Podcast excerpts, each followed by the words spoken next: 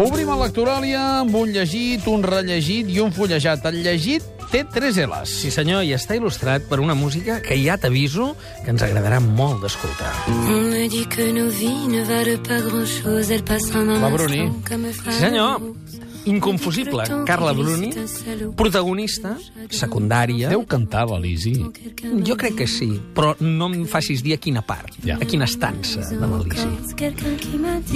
Fa goig sentir-la i, com et deia, eh, serveix per il·lustrar una novel·la catalana en la qual surt la Bruni. Ah, L'escala del dolor.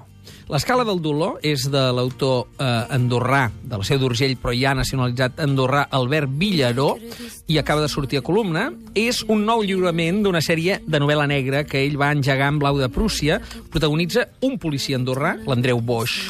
Aquí, la trama, mmm, diguem que és rica, amb subtrames i tot plegat, se situa en la visita al Principat d'Andorra del seu copríncep Sarkozy, acompanyat per la estimable esposa Carla Bruni. Això coincideix amb la setmana de l'Isart, que és una setmana que omple les valls d'Andorra de caçadors. Tothom amb escopetes, no? I en aquest context resulta que hi ha l'assassinat d'un tio que, pam, eh, un eh, franctirador desconegut mata algú. Què passa? Que a 48 hores de la visita de Sarkozy i Bruni, allà tots els serveis secrets es posen una mica en alerta i venen els serveis secrets francesos, bàsicament, no? En aquest sentit, la trama està molt ben desenvolupada, mm, intenten minimitzar, hi ha molt de protocol, òbviament ja aviso, no faig cap spoiler, però no li passa res a la Carla Bruni, mm. no li passa res al Sarkozy, vull dir, continuen bé al final, i és una novel·la eh, amb un llenguatge magnífic, una trama sòlida i els personatges atractius. Eh, és de gènere, està molt marcada per aquesta voluntat de, de desembullar el misteri.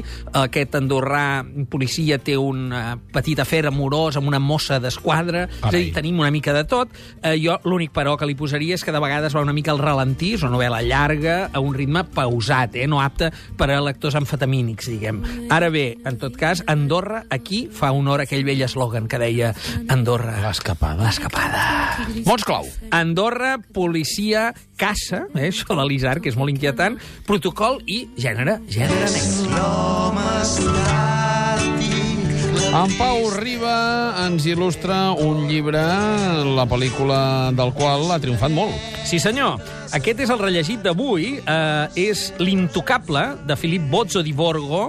Això acaba de sortir de, en traducció al castellà de Jaime Zulaika.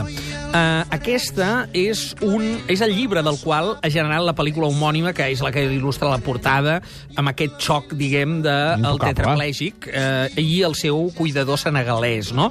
A veure, aquest és el text, que és eh, memorialístic, que va donar peu a aquesta comèdia. El llibre va més... Jo encara no he vist la pel·lícula, però la, la veuré, la veuré. Però per les notícies que en tinc, diguem, la pel·lícula agafa només la part de que aquí seria la part final del llibre, en la qual, eh, diguem, aquest aristòcrata de bona família i un home molt ric que, fent parapent, queda tetraplègic total, eh, un cop vidu, és a dir, després d'haver perdut ja la dona que era la seva cuidadora i que forma part, bàsicament, de la primera part del llibre, contracta a un ajudant. I aquest ajudant resulta ser un galtes absolut, un noi de suburbi senegalès, eh, l'Abdel, que, que, que se'n surt per la via menys ortodoxa sempre. Clar, aquest xoc és realment espectacular, no? Perquè l'un no pot fer res, mm, vull dir, només li funciona del coll en amunt tot, però té tot el bagatge eh, i la manera de ser d'un ric dels de tota la vida, i l'altre és com ha acabat d'aparèixer.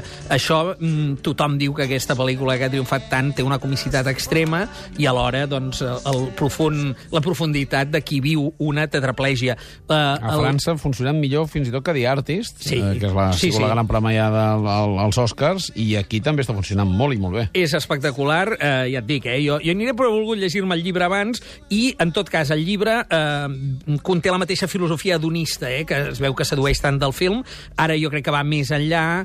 Eh, és un llibre memorialístic, eh, com per entendre'ns com el llibre que va donar peu després a Mar Adentro, eh? Mm. És a dir, el cas particular, amb un to magnífic d'algú que ho perd tot de cop i, com que ho perd tot de cop, s'ho comença a qüestionar tot, no?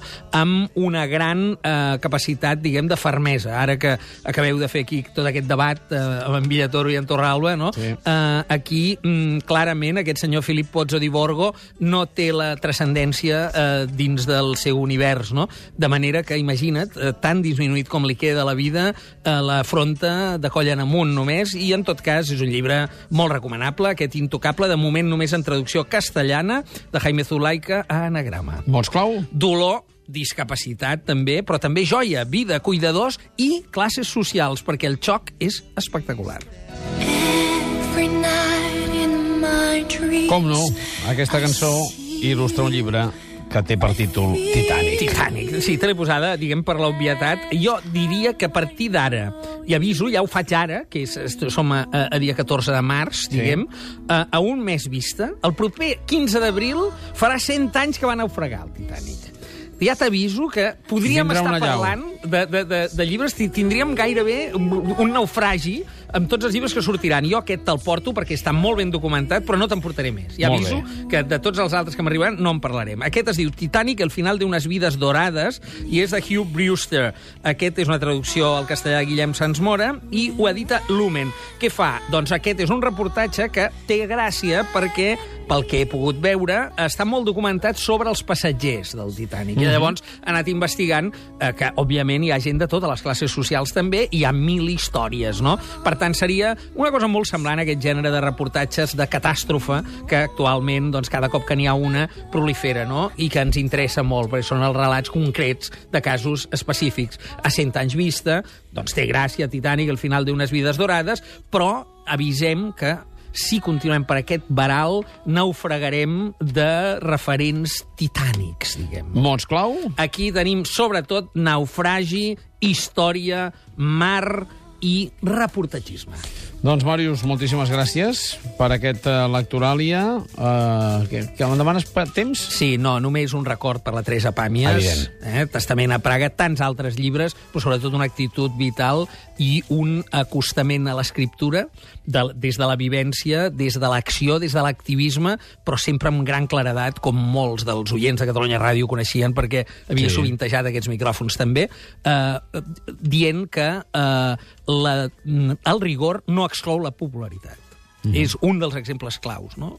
Ella, diguem, sempre va estar una escriptora de gran rigor i de gran fermesa i sempre va connectar amb amplis capes de població sense renunciar mai ni als seus principis ni a la seva manera de veure les coses, que sovint era ben particular. Doncs t'agraïm molt uh, aquesta petita glosa, igual que tots els tertulians uh, que avui també l'han fet a, a, a primera hora, els oients que ens fan arribar, uh, evidentment nosaltres hem tingut un, un record també per ella avui a l'editorial i, a- i al llarg del programa.